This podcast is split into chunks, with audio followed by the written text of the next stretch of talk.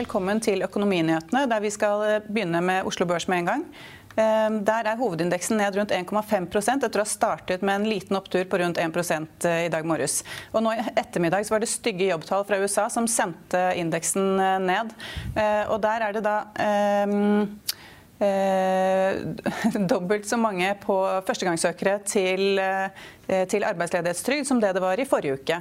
Men oljeprisen den stiger, og da er det særlig tankaksjene som stiger. Er det bare oljeprisen som trekker dem opp? Nei, men La meg ta, altså, følge opp det du sa om arbeidsmarkedet i USA. for ja. Vi hadde også et kje, kjempedårlige og svake børser i Amerika i går. og de Hovedindeksene var jo ned 4-5% Det er veldig mye og rekordlavt for veldig mange av børsene. og Mye av de gevinstene man hadde før, er tatt igjen. Så et fall på sånn, alle indeksene faller 5% så er folk himmelfallende i Amerika. Og det var sannsynligvis øh, et forskudd på det vi ville få i disse arbeidsmarkedstallene. For de kom da veldig dårlig ut. Øh, og som du var inne på, så var det de høyeste tallene noen gang. Altså over 6 millioner mennesker som søkte jobb i siste uke. Og så tenker man, Er det mye eller lite? Ja, altså I forrige uke var det da tre millioner. Var det litt eller mye? Ja, det var veldig mye. Det var tre millioner mer enn uken før? For, ja, men det var, altså I amerikansk historie har det aldri vært høyere enn 600 000. Så normalt er det slik at liksom 200 000 eller 150 000 melder seg i arbeidsmarkedet som ledige. En sånn vanlig økonomi. Og så ble det plutselig da, hoppet det da til For 20-25 år siden så hoppet det til 600 000. Og så var det 3 millioner forrige uke, og så var det 6 millioner nå. Så nå har man fått den effekten da, liksom det, det er nedkjøring av økonomien i USA også. Og det trodde jeg markedet det ante at ville komme elendige jobbtall. Og så diskonterte man det, og så fikk man da en veldig svak børs i går. Og så har da markedet, da, etter at man har fått tallene, så er det også åpnet ned, men ikke veldig mye foreløpig. Så det er liksom Amerika, ja, Børsene henger litt sammen, men ikke så mye som man tror. Men akkurat nå så, så var det så fælt at eh, Oslo Børs som du sier, var jo opp, og så er det da nå ned 1% eller 1,5 prosent. Men man kunne tenke seg, basert på tallene i går i USA, at vi ville fått et ras i Oslo. Det fikk vi ikke. Eh, for eh, som du sa, så har det aldri vært noe særlig høyere enn da 600 000. I forrige uke så var det 3,3 millioner. Nå i dag så kom det tall for at eh, altså det var 6,7 millioner amerikanere som søkte om arbeidsledighetstrygd for første gang. Er det bare begynnelsen? Nei, Det vet jeg ikke, men det blir helt sikkert mer. Altså, jo, altså, USA hadde ikke begynt nedsmeltingen. og hadde ikke, man, hadde ikke sett effekten av at folk begynte å bli usikre, usikre på hva som skal skje. Så jeg tror at eh, neste uke kan det godt komme mer enn 6 millioner, eller rundt 6 millioner, eller 4 millioner, det vet man jo ikke. Men det er mange flere i USA. Etter hvert som da også restauranter og servicenæring stenger ned i USA, og serviceøkonomien er kjempestor. Og etter hvert som det stenges ned, så vil det bli flere som søker arbeidsledighetstrygd i USA også. Så, så, så, det er ikke bra. Det er litt spennende å se hva som skjer på børsen i dag. Om da børsene på en måte har diskontert den negative utviklingen, eller om de da på en måte nå får en kjempesmell i dag også fordi det ser så dårlig ut. Det vet jeg ikke. Det, så det er det ene bildet. Det andre er da oljeprisen som stiger? Ja, altså oljeprisen har steget, så det litt nøkternt sett så oljeprisen steget rundt 2 dollar per fat eh, på brentoljen. Eh, kanskje litt mer, men altså det var ned på 24-tallet, så i dag er det 26, litt av 26,7 eller 26,5 eller noe sånt. Så oljeprisen har steget, og det har skapt ganske furore i markedet. Eh, fordi at, og det var fordi at angivelig, da jeg sier angivelig, for jeg stoler ikke på så mye, men Donald Trump har da angivelig sagt et eller annet sted at han da skal ordne opp i den oljeprisen, for den var blitt for lav, og den skadet eh, energisektoren og den skadet oljeselskapene. Eh, og Han skulle snakke med Saudi-Arabia og Russland, få de til å liksom sette seg sammen og få prisen, har han angivelig sagt. Men Han skal ha sagt at han skal få slutt på urolighetene eller kranglingen mellom de to? da? Ja, men altså å få de til å sette seg sammen og, da, og på en måte bli enige med å være, være kartelldeltakere istedenfor å krige mot hverandre. og Produksjonen øker og etterspørselen går ned, som jeg har snakket om mange ganger. Men altså, Om det er sant eller ikke, vet man jo ikke. Men iallfall så syns de internasjonale markedene innen olje og energi de synes det var kjempefint. Og så har vi fått mange aksjer som har gått opp på det. For eksempel, da, så Equinor har jo vært opp til 5 i dag. Aker BP 10% og DNO par og 20 det er de typiske oljeaksjene vi har. og De går opp. De er korrelert med oljeprisen. og Når oljeprisen er opp, så har de gått veldig. Så kan det tenkes at det ikke ble noe av det innspillet mellom eh, arbeidet til Trump. At det, han ikke får til det. At de setter seg sammen og vil gjøre tiltak for å få prisen opp. Kanskje ikke. Da vil dette falle tilbake. Da vil det altså da, også da kursen på Equinor og Aker BP kanskje falle tilbake. og også på det. Så det er kjempeuklart. Men nå har markedet de har satset på at, eh, at det, det, blir en høyere oljepris. Det er det blitt. Ca. to dollar. Og de har da altså influert på kursene. Men det nå er jo, som du sa, det er opp eh, nå sånn ca. 22% Hvorfor går det selskapet så mye? Vet ikke. Det, er et oljeselskap, og jeg kan ikke da, hvor mye olje de sitter med, hva de produserer og hva de tjener. Jeg har ikke sett på det, det er evighet siden jeg så på det, men det, det, er et oljeselskap som går. Det kan være spesielle faktorer, og Dets interesse ligger jo i Nord-Kurdistan osv., så, videre, så det, det, er jeg ikke sikker på. Men det er en sammenheng. Men det som er morsomt, som kanskje en student på BE eller Handelshøyskolen burde se på, det er det at når, når ø, oljeprisen stiger og oljeaksjene stiger, så faller da oppdrettsaksjene. Så de faller med 3% både Movi og SalMar og, og Bakkafrost faller liksom 2-3% og Det er helt mystisk. og Det har skjedd noe flere ganger flere, flere, dager på rad, at det er helt motsatt løp av da oljeprisen. og Jeg kan ikke se én eneste sammenheng. Så kanskje han studenter får forske på hvor ofte det skjer, hvor sterkt det slår ut, og hva som ligger bak. Det er en morsom oppgave. Ja, For lakseaksjene de har jo steget litt de, de siste dagene? Ja, og, men så har de falt igjen da. Ja, men så har de falt igjen da liksom oljeprisen har gått ned. Men når oljeprisen går opp, så faller de igjen. Om det er et mønster, har ikke peiling på hvorfor det er slik. og Jeg ser jo ikke noen sammenheng i det hele tatt. Men det er, en sånn, det er noe merkelig system på Oslo Børs. Når da oljeprisen går, og oljeselskapene går, så faller lakseprisen litt tilbake. Men sånn som for eksempel, og, og, og, ja, altså, det der, den Oppgangen i oljeprisene har jo da vært positivt for de store selskapene, men også da Prosafe, altså et sånn boligrigselskap som er utbombet, egenkapitalen er borte osv. Det selskapet har da steget 80 i dag, eller 100% slik at det har smittet over på, på, på også da på seismikkselskaper. Altså liksom, I dag har liksom de, alle de, mest, altså de, som har gått mest opp, de har vært forankret i olje og oljeservice, fordi at man nå angivelig ser da en stor fremtid for da de aksjene fordi at oljeprisen har gått opp. Ja, for det er f.eks. Northern Drilling, BV Offshore, PGS, TGS, alle stiger jo voldsomt. Ja, og det er fordi at, at nå tenker man da plutselig at, at Trump skulle på banen og han skal få til et eller annet mirakel, og kanskje få oljeprisen opp da fra 24 til 30 eller 35 eller 40 dollar per fat. Så, men så har da oljeprisen bare steget to. Så jeg ville være litt forsiktig, men i fall så tenkte man da kanskje i de som driver og trader i utbombede selskaper, hvor det er lett å få prosentvis sterk stigning, de russiske prosentene. Eh, så er det mange som trader i det, og det, derfor har det vært ganske mye moro på den eh, listen over de, de som stiger mest i dag. Men selv om oljeprisen stiger da, typ to dollar fatet eller noe sånt, eh, så har jo veldig mange av oljeselskapene satt sine investeringer på vent. Det må jo mer til enn at oljeprisen stiger litt for å få det i gang igjen? Ja, absolutt. Altså, jeg mener at det skal ganske mye til. Altså Oljeselskapene og styrene i oljeselskapene som da ser liksom på sine kontantstrømmer og ser hva de får fra olje nå og sånn, de tenker liksom Altså, oljeprisen er lav, kjempelav, mye lavere enn man kunne tenke seg eller ønske seg. Og så setter de investeringer på vent over, en bred sko. Og, øh, og, øh, og, det forandrer ikke nå. Da må oljeprisen komme opp i 50-60 dollar på fatet. I år, De fleste ekspertene vi har som gjester i studio her, vi har spurt de om liksom, hva tror du gjennomsnittsprisen vil bli i 2020, så har de fleste sagt 60 dollar på fat, eller 65 dollar på fat, eller 66 dollar på fat. Det, og det er milevidt fra midt på 60-tallet ned til 24. Så at, at oljeselskapene forandrer da liksom antall rigger er villige til å betale for å leie for å bore eller for å drive seismikkundersøkelse eller annet arbeid på sokkelen, altså det, er, det er milevidt fra. Men samtidig, i forbindelse med oljekrisen som vi hadde for fem år siden cirka, så var det jo mange av oljeselskapene som klarte å trimme ned kostnadene, sånn at det ble lønnsomt på et lavere nivå med nye, altså nye investeringer ja, det, de gjorde. Det er riktig. Så det, må, det, kan jo ikke være så langt ned som det det kunne vært. Altså 60 dollar fatet er jo ganske høyt opp, da. Ja, ja, men, men på det nivået det er nå, så sparer de. Jeg tenker at nå må vi se hvordan det går. Og, er, og det er eksperter som vi, vi, tror på, som har sagt at oljeprisen skal ned da fra 24-25 dollar på fat til, til, 20 eh, eller under 20 eller 10-15, og noen sier null. Det er det berømte eksempelet da med det at uh, man tenker seg at oljeprisen langt frem i tid, et halvt år, et år frem i tid, skal være da 50-60 dollar på fat. Og så kjøper man olje nå for uh, eh, 24-25 dollar på fat, og så lagrer man det i et kjempetankskip i 6 eller 12 måneder, for så å selge den oljen da på spekk siden den spekken går ikke opp hvis da ikke, hvis da ikke oljeprisen stiger. Eh, så, ja, så og, og, og, da, du, du var inne på tankmarkedet. altså Frontland er litt ned i dag. Men, og, jeg så også Spetalen drev og solgte noen eh, tankaksjer. Og, alle har spekulert i det at det er så stor etterspørsel etter tankskip. Ja, men ikke for tankskipene skulle gå i frakt mellom Saudi-Arabia eller et annet land og, og, Japan eller Kina, men fordi da tankbåtene har blitt tatt opp i markedet til å bli lagerskip, og, hvis den, altså hvis ikke, og da, når det ikke er flere tankskip igjen å lagre i, fordi at de andre må gå i verden rundt for å frakte olje, så kan oljeprisen gå i null. Altså, jeg gidder ikke gå gjennom hele resonnementet, men det kan gå i null, for det er ingen avtaker av oljen. Så må man gi den bort for å bli kvitt den. Men selv om de kjøper masse olje nå, det er jo ikke sikkert at det er så mye mer etterspørsel om eh, noen måneder? da? Nei, jeg tror det at eh, etterspørselen, etterspørselen innen olje, som da er normalt 100 millioner fat per dag, at det allerede har sunket med 10-15-20 millioner fat. Det er jo altså, det ekstrem nedgang i etterspørselen, samtidig med at tilbudssiden øker. Ja. Og den tilbudssiden at den har blitt for stor, det har man da skjult ved å lage lagerplasser i tankskip. Og hvis det ikke er flere tankskip å lagre i lenger, så, eller man vil ikke betale for leieskipene for å lage i dem, så vil oljeprisen falle mye mer, kanskje 10-15 dollar til ned. Og det er ikke bra for oljeselskapene. Nei, men Hvis vi ser på innenlandske, altså våre norske oljeselskaper, da, hva er det som skal til for at de setter i gang med investeringene sine igjen? Og Da tenker jeg ikke egentlig bare på oljeprisen, men også hva som gjøres sånn fra myndighetenes side?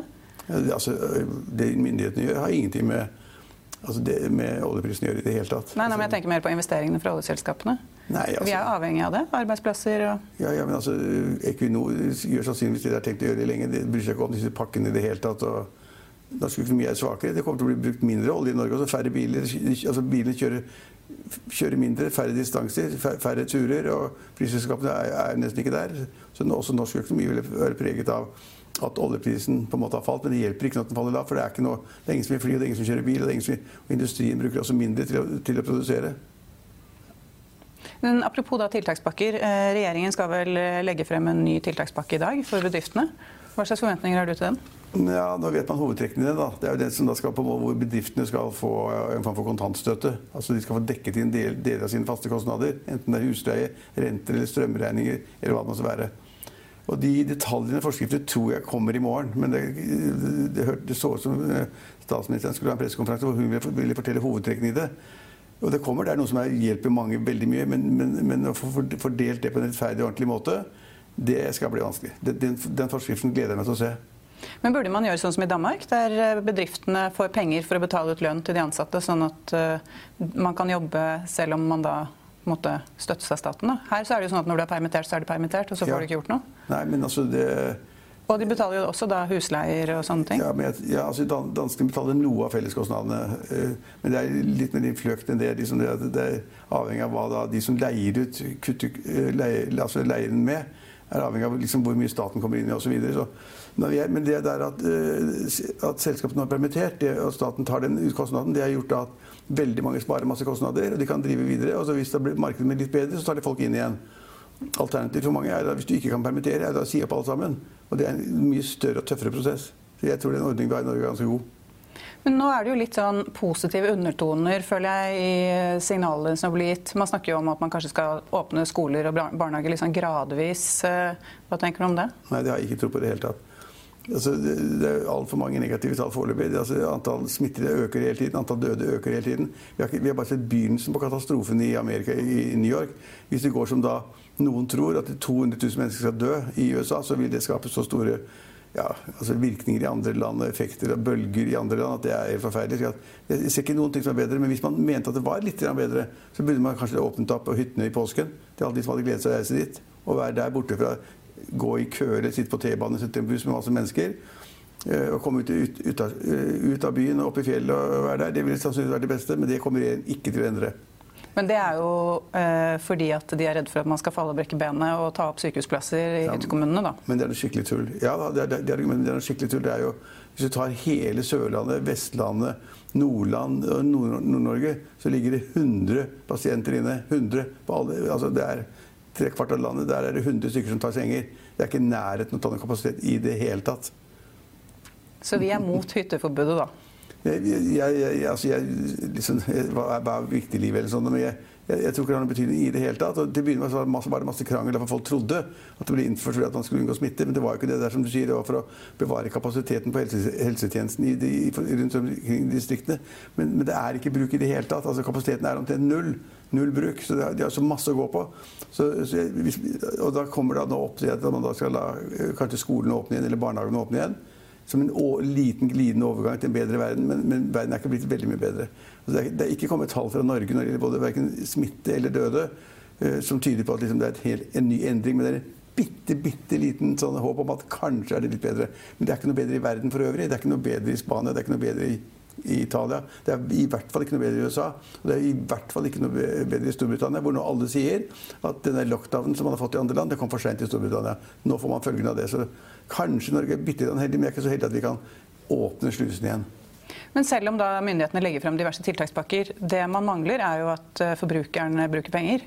Og det gjør man jo ikke så lenge man er i fare for å bli permittert og frykter for Nei, sin egen økonomi. Veldig vanskelig for å få folk til å bruke penger. og Jeg skrev en artikkel i Finansavisen i dag hvor det var en professor ved Handelshøyskolen som hadde foreslått en ny sånn koronaskatt. Koronaskatt? Ja, koronaskatt.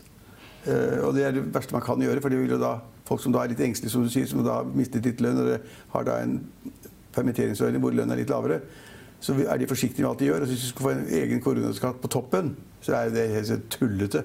Da vil jo regjeringen pøse ut penger med den ene hånden, så folk skal bruke penger i næringslivet og husholdningene, de som da er permittert. Og så skal man ta inn en ekstra skatt på den andre siden. Det er jo helt surrete. Det kommer mange rare forslag. Ja, for Det man trenger, er jo at folk eh, går i butikken, handler, eller eventuelt handler på ja, nett for å holde i gang bedriftene. Ja, det var som i gamle hvis, hvis du går tilbake til finanskrisen, så sa daværende finansminister Kristin Halvorsen at hun hadde med kortet, og skulle bruke det kortet sitt på Karl Johan for å vise at man, nå skal man bruke penger. Det er sannsynligvis det eneste riktige også, men det får ikke folk til å gjøre det nå. Nå er folk usikre på jobben, usikre på om det bevarer helsa, og om ungene er bra og ektefellen er bra.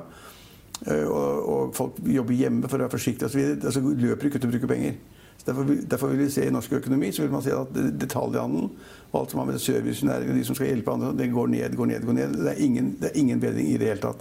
Og da kan vi gå tilbake til utgangspunktet for, for sendingen vår. at USA hadde da en skrekkelig børs i går. Børser skrekkelig i går. Og så, og så øh, kom da tallene for de som da søker trygd opp i dag. Og det var bare absolutt verst man kunne tenke seg å se. Over seks millioner mennesker.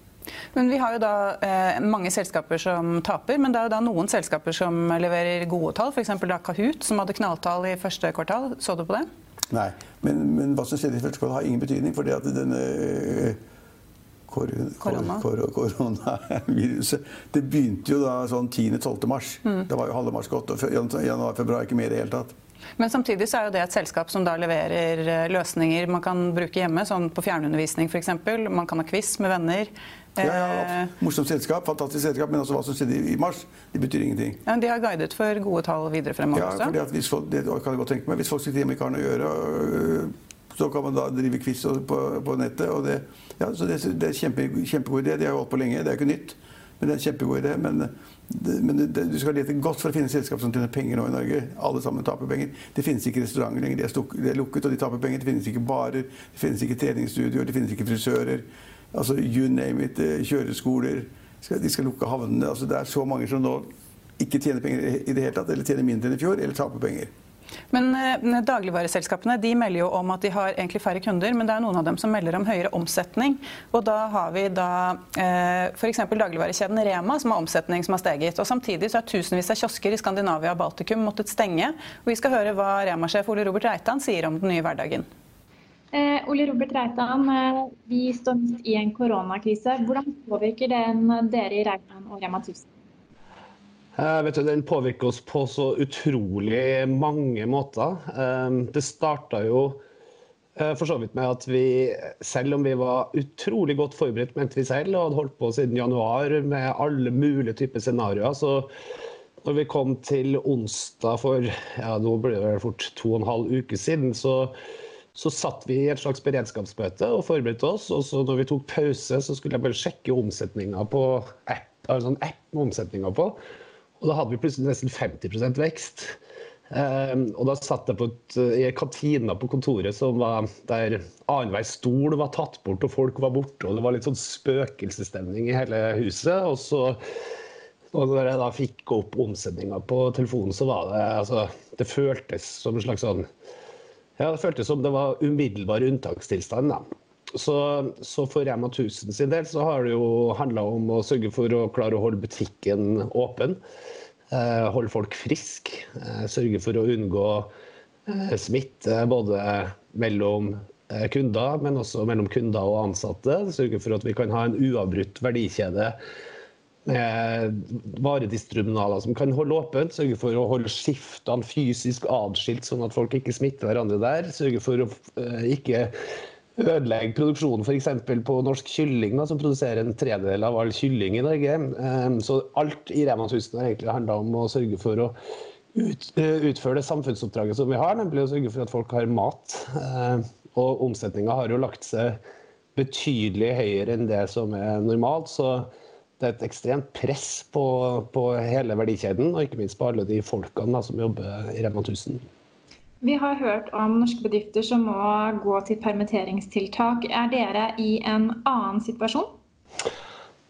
Nei, nå kan du si at uh, Reitan-gruppen er jo uh, en stor og, og, veldig diversifisert bedrift. Så jeg føler jo Vi pleier å si vi føler at vi står sånn ordentlig på gaten. På den ene sida så står vi i et Rema 1000 der vi har måka på alt det vi har av ekstra ressurser og overtid. Og vi har henta permitterte ansatte fra Reitan Convenience fra kiosker som har, vært, som har blitt stengt osv. For å sørge for å bare løse oppgaven. Eh, så der har vi jo på en måte en massiv mengde med utfordringer, men de er jo lystbetont på et vis også fordi at vi har, føler at vi har vinden i ryggen og, og det kryr av kunder og omsetninga er høy. så så det er jo positiv krisestemning, kan du si, i Rema. da. Eh, på den andre siden, i RC f.eks., altså hvis du går ned på Oslo S nå, så ser du at det ikke er noe eh, spesielt lukrativt å drive 7-Eleven eh, på Oslo S akkurat for øyeblikket. Og sånn har vi jo mange tusen kiosker i, i Skandinavia og Baltikum som, som, enten er stengt, eller som opplever eh, nesten null kroner i omsetning. Så der har vi jo permitteringer. Eh, og butikker som er stengt. Eh, det samme Uno X, f.eks., som også har mye lavere omsetning enn det som vi er vant til å ha, som gjør at vi har utfordringer der. Og vi har en eiendomsportefølje med masse restauranter, hoteller, frisører osv. Som, som har stengt. Så det er en enorm spagaten vi står i. Og så prøver vi da å få flytta noe personell fra deler av virksomheten der vi har vi har for mye folk, til, til typisk Rema 1000, da, der vi eh, opplever at det er høyt press på hele arbeidsstokken. Eh, noen er syk, eh, andre er sliten, noen sitter i karantene. Så, så, vi prøver å operere det her så godt vi kan som et fellesskap. Da. Det er jo litt spennende, fordi vi er jo vant til i Rettangruppen at vi vi jobber i selvstendige forretningsområder som er mer eller mindre uavhengige av hverandre, i hvert fall i hverdagen. Opprettholder god drift operativt i hvert enkelt selskap uten å ha for mye konsernoverbygninger. Akkurat nå har vi veldig glede av å faktisk være et system som, som er diversifisert. Da. Men litt tilbake til varehandelen. Vi har jo også hatt eh, rekordlav norsk krone de siste ukene, som har kommet litt opp igjen nå den siste uken. Men mm. rammes dere av en svakere krone? Ja, både òg. Altså, eh, vi har jo 40 eh, av omsetninga vår i utlandet. så sånn sett så når vi omregner regnskapene i Reitangruppen til norske kroner, så ser jo det faktisk ganske bra ut. da, Spesielt sånn typisk omsetning i Rema 1000 Danmark som får en vanvittig positiv eh, valutaeffekt. Og så har vi jo ca. 25% av produktene som selges i Norge som er på import. Og der har vi jo større utfordringer nå med at det er voldsomme prisstigninger eh, pga. at vi handler i både euro og dollar og, og pund. Og, og, ikke minst eh, også mot eh, Kina. Eh, så, så vi har litt av begge deler. Og så er det litt sånn at det er jo fattig trøst at det går an å regne om danske kroner til norske, og så ser det bra ut. Men altså, det er jo egentlig bare regnskapsteknisk. Pengene er jo igjen i Danmark. Men denne voldsomme uh, omsetningsøkningen du så da for to og en halv uke siden, som jeg regner med har fortsatt, hvor, hvor, lang tid forventer man at vårt handlemønster skal være så endret som det det har vært den siste tiden? Nei, vi ser jo for så ser vi til Italia, da, som ligger ganske mange uker foran oss. og Der er fortsatt eh, presset på dagligvarebransjen betydelig høyere enn det som er normalt. Uh, og vi regner med at vi blir liggende ganske mye høyere i Norge i lang tid. En ting er jo at folk ikke reiser, eh, sånn at hele kundegrunnlaget er hjemme til enhver tid. Svenskehandelen er jo så å si helt borte. Eh, og det er jo ganske stor andel av dagligvareomsetninga er jo faktisk grensehandel, så den, til, den, den, ender jo opp da i norske butikker nå. Så, men eh, altså, den som hadde visst nå hvordan ting skulle bli, eh, den er i hvert fall klokere og smartere enn meg. For at jeg føler at jeg pleier å si Vi jobber jo ofte i 12-24 måneders perspektiv i Retagruppen og Reman 1000. Og nå jobber vi i 1-4 ukers perspektiv. Så langsiktige prognoser nå er liksom ut april.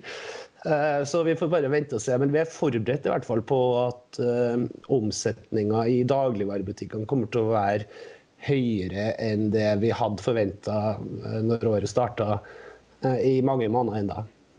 Hva tenker dere? Vi nærmer oss påsken. og vil det kanskje ikke være like aktuelt med denne storhandelen for hytter. Men, men, vi hører om folk som planlegger å hamstre inn mot påsken. Eh, er dere godt forberedt for å takle en økt pågang nå den nærmeste uken? Ja, Varetilgangsmessig så er vi godt forberedt. Eh, for påskeomsetninga er høy uansett. Og jeg tror at vi skal klare å ha varer i butikken til enhver tid. Man skulle kanskje ønska å få spredt omsetninga utover så mye som overhodet mulig. Da. Og vi driver jo nå massiv sånn kommunikasjonsjobb eh, for å prøve å få folk til å handle på andre tidspunkt enn det man eh, tradisjonelt gjør inn mot påske. Men vi ser jo at folk allerede gjør det. Folk er mye hjemme, sitter på hjemmekontor, sånn som jeg gjør. og og kan gå ut og handle på formiddagen eh, og handle mer i uka og mindre i helga. Så vi har fått en jevnere omsetning allerede. Og så får vi bare håpe og tro at, eh, at det også um, kommer til å skje noe inn mot påske. I Danmark så har vi jo jobba med, med, myndighetene på å se om vi ikke skulle bare avlyse alle luknings, uh, tradisjonelle lukningsvedtekter inn mot påske. da. Ja, for påsken er avlyst, er den ikke det? For de aller fleste? Ja, i hvert fall for meg som er vant til å ha ski på beina i påska, så er den avlyst. Det, det, ser ikke så veldig bra ut oppe, oppe på Sogn, nei, oppe på Tryvann heller. Så det, jeg tror det blir sykkel og ikke ski. Men, men uh, vi skal jo spise god mat og kose oss uh, så godt vi kan likevel. så folk kommer til å handle mye. Men det er klart at det, er jo, det finnes noen gode grunner for å prøve å utvide åpningstida så mye som mulig. Samtidig så har vi en 10 000-12 000 mennesker som nå har jobba eh, mye mer enn det vi kan forvente eh, nå i mange uker, og lagt inn en voldsom innsats som trenger en pust i bakken og trenger litt tid med familien. Så det blir vanlig påskeåpningstider, eh, men jeg tror likevel at folk kommer til å handle på mer fornuftige tidspunkt, så vi ikke får det der ekstrempresset som vi tradisjonelt ville hatt nå, nå mot, helga, mot palmehelga, eh, men også typisk tirsdag og onsdag før skjærtorsdag, eh, som pleier å være helt ekstrem. Så alle sammen som hører på nå, må, må prøve å finne et annet og mer fornuftig tidspunkt å dra og fylle handlekurva på. Vi hører jo at dere sier at man ikke vil gå tom for varelinjer, og dere er godt forberedt på storhandel. Men, men, vi kommer jo ikke unna at både Italia og Spania er jo storprodusenter av en rekke typer frukt og grønnsaker, men også andre mm. varelinjer. Ser dere for dere at dere kan møte på noen utfordringer i forbindelse med logistikk, eller det å få varer til Norge i et litt lengre perspektiv? Ja, vi jobber mye med det. Og foreløpig så så holdes faktisk hjulene i gang. Eh, stort sett overalt. Vi har faktisk eh, vi har kjørt lastebiler til, eh, nedover Europa for å prøve å finne antibac, f.eks. De har ikke kommet tilbake ennå. Så det, på noen områder, spesielt kanskje på antibac, har det vært en utfordring. Jeg har en datter som fortsatt er i London, og hun har da prøvd å skanne hele London for toalettpapir. Det fins ikke. Eh, det problemet har vi foreløpig faktisk ikke i Norge, til tross for at folk har hamstra toalettpapir som, som aldri før. Eh, så Foreløpig så har vi faktisk ingen meldinger fra noen av våre leverandører på eh, at vi kommer til å gå tom for essensielle produkter. Nei. Eh, dere har jo også et samarbeid med Kolonial, hvor man kan handle deres varer på nett. Har dere sett mm. på muligheten for å opprette egne netthandelssystemer? Vi vet jo at denne koronakrisen kan jo føre til at man nå får rekord av netthandel. Ja, eh, ja, nei, vi har ikke gjort det. I Danmark så har vi jo eh, en egen eh, hjemmehandelsløsning som heter Vigo. der eh, privatpersoner handler for andre privatpersoner. Som, som også har vært mye snakka om i Norge nå i disse dugnadstider. Hadde vi, hadde vi hatt eh, Hadde ting vært klart å trykke på knappen, så hadde vi sikkert jeg kunne funnet på å gjort noe med det, men, men det, det, har vi rett og slett ikke tid til å prioritere akkurat nå. Eh, vi er veldig glad for at Kolonial fungerer så godt som det gjør, og Carl er jo en strålende eh, kriseleder for, for eh, Kolonial, og, det går jo unna det Remma og Tøy eh, tåler i Kolonial. Eh, men det er jo klart det her, I ettertid så vil vi nok diskutere online eh, på en litt annen måte. Vi ser jo eh, i resten av Europa, USA og England, altså Okado f.eks., som hadde 360 000 nye registrerte kunder på én dag her i, i, i forrige uke. Og da er det mange som lærer seg nye måter å handle på, eh, som også kommer til å få konsekvenser etter at vi er ferdig med eh, unntakstilstanden som vi har akkurat nå. Ja, for Hvis man ser for seg at dette kan vare lenger enn det man vet, så, så, vil det jo være naturlig at netthandel vil ta over for mye av dagligvarehandel, også, også for de etablerte forretningene. Men, men det vil bli noe dere vil ha i bakhodet fremover, regner jeg med? Ja, nå er vi jo vi er veldig godt fornøyd med det samarbeidet som vi har med Kolonial. Og, og, og det er jo Norge er jo et spesielt Vi kan godt diskutere markedspotensialet for online i de store byene.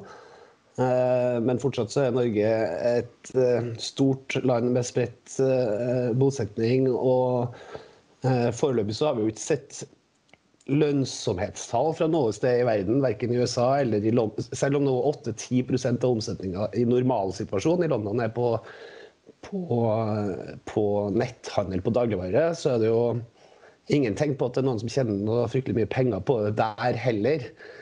Og det er jo litt sånn at hvis man ikke får det til i London, så så har jeg trøbbel med å trykke på de store knappene i Tromsø eller eh, Kristiansand, for å si det sånn. Så vi får bare vi, vi, følger med det hele tiden. Og det er ikke noe handlingslammelse som gjør at vi ikke starter. Det er mer at eh, Personlig har jeg jo litt svidde fingre eh, på netthandel også, fra mine unge, eh, lovende år. Eh, så, men eh, vi følger med. Ja.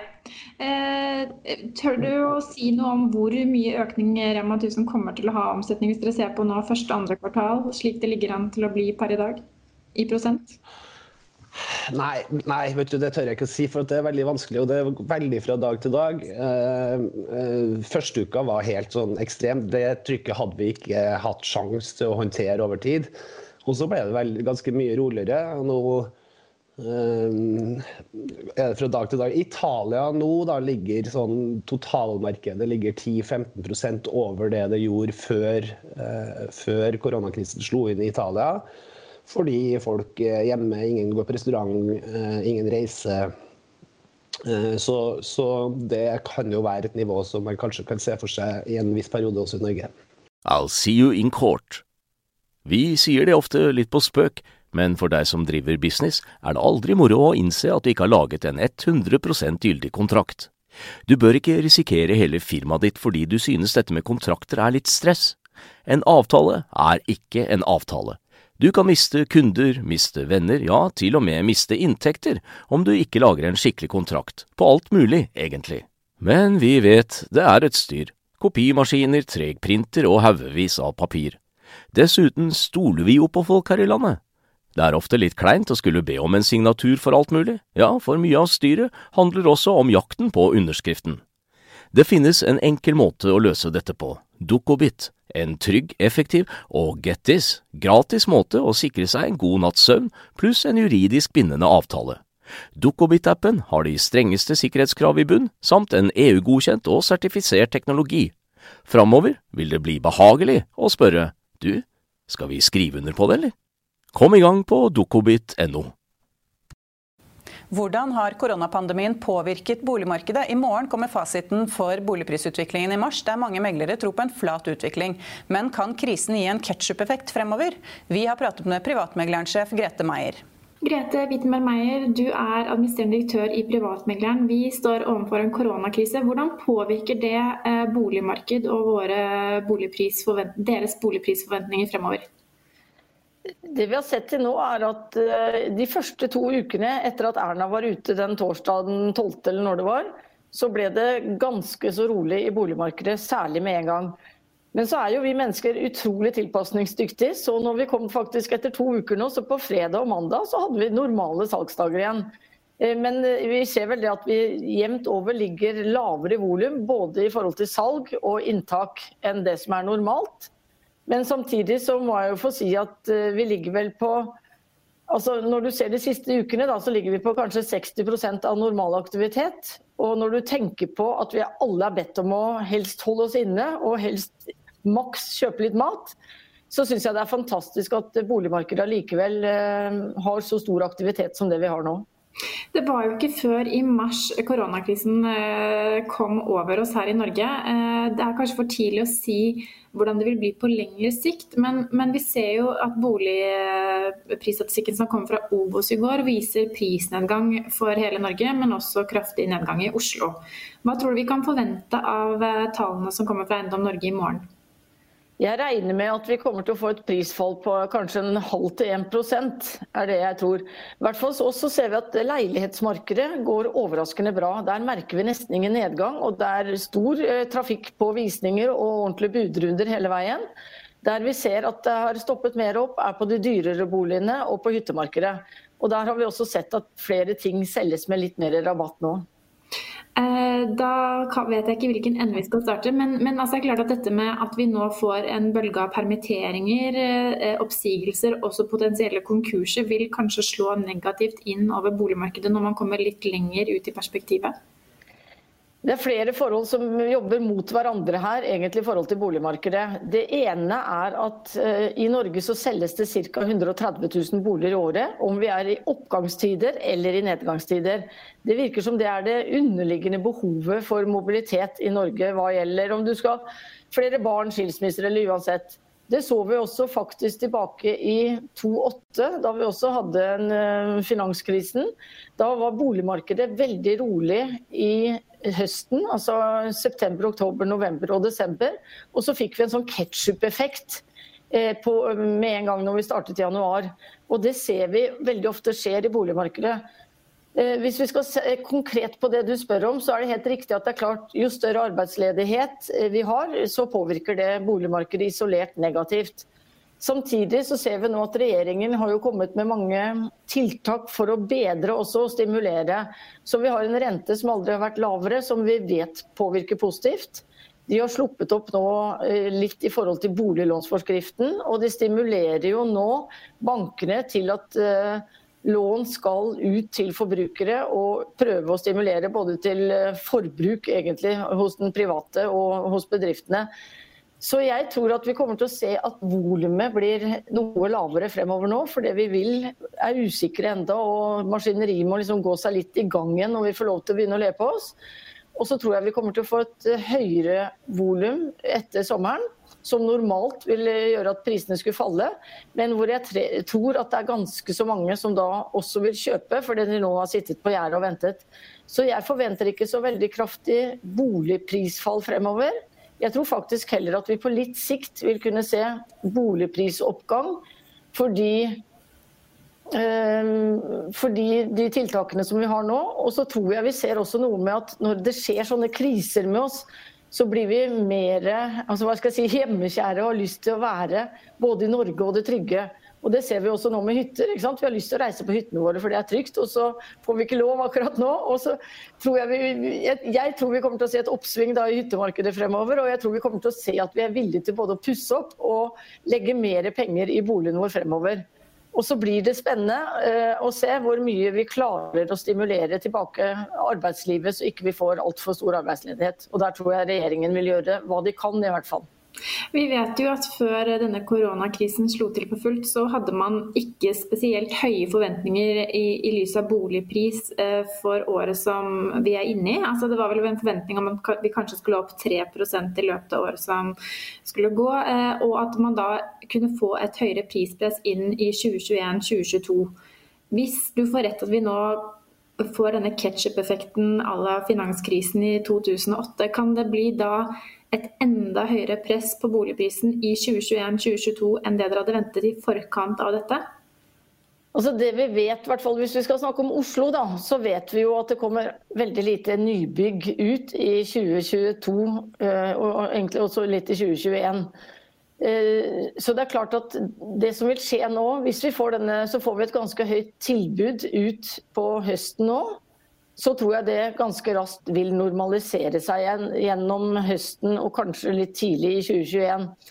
Så jeg tror at vi kan se Jeg tror ikke vi får noen prisvekst av noen særlig grad nå i 2020. 2020. Eh, og det syns jeg er vanskelig å si også, for vi vet ikke koronatiltakene ennå og hvordan, det, hvordan vi nordmenn egentlig vil ta det. Men jeg tror vi vil se at i 2021 og 2022 så holder jeg på fremdeles på at jeg tror vi kommer til å se en betydelig prisvekst. Med mindre Norge og verden da, skulle, at korona skulle slå så kraftig ut at vi får en resesjon på en måte. Det er det eneste. Så det jeg er litt redd for faktisk nå, hvis jeg skal si noe på Norge nå, så er det at vi ser litt tendens til at bankene er litt forsiktigere nå kanskje med utlånssiden. Og det er det eneste som bekymrer oss litt, for kredittørke er aldri bra i forhold til boligmarkedet.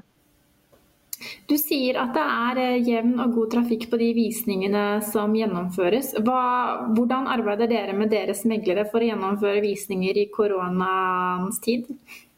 Ja, Det meglerne sier er at de har jo aldri snakket så mye med verken selgere eller for den saks skyld kjøpere, for at nå har alle tusen spørsmål, og det finnes jo ingen fasitsvar. Så det er veldig forskjellig. Eh, det, vi, hadde, vi, har hatt to dager nå vi, vi har hatt sånne møter med alle meglerne våre, og det de sier er at med en gang det kom, så ville alle vente med å legge ut boligen sin. De ville ikke bare vente til etter påske, de ville vente til etter sommeren. For da tror jeg vi alle fikk den klumpen i magen og ble livredde på hva som vil skje. Eh, det de sier nå, er at det er mange som sier de vil legge den ut etter påske. Så eh, vi har i hvert fall tenkt at nå får vi en hjemmepåske. Det har vi aldri hatt, så lenge jeg vet i hvert fall. Hvordan det slår ut, det vet vi ikke, men jeg tror det er veldig mange av oss som nå har sittet med hjemmekontor, og ikke minst alle som har små barn hjemme nå, eh, føler seg nok litt sånn brakkesjuke, hvis det kan kalle det det.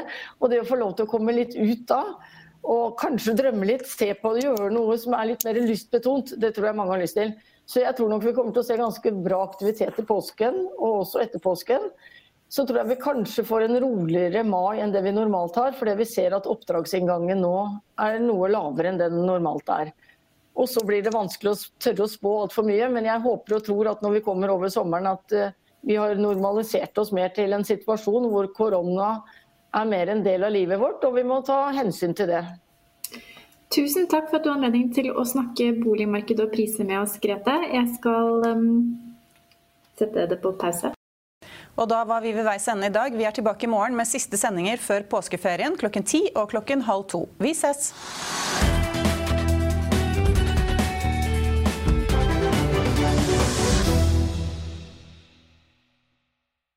Økonominyhetene er en podkast fra Finansavisen. Programledere er Marius Lorentzen, Stein Ove Haugen og Benedikte Storm Bamvik. Produsenter er Lars Brenden Skram og Bashar Johar. Og ansvarlig redaktør er Trygve Hegnar.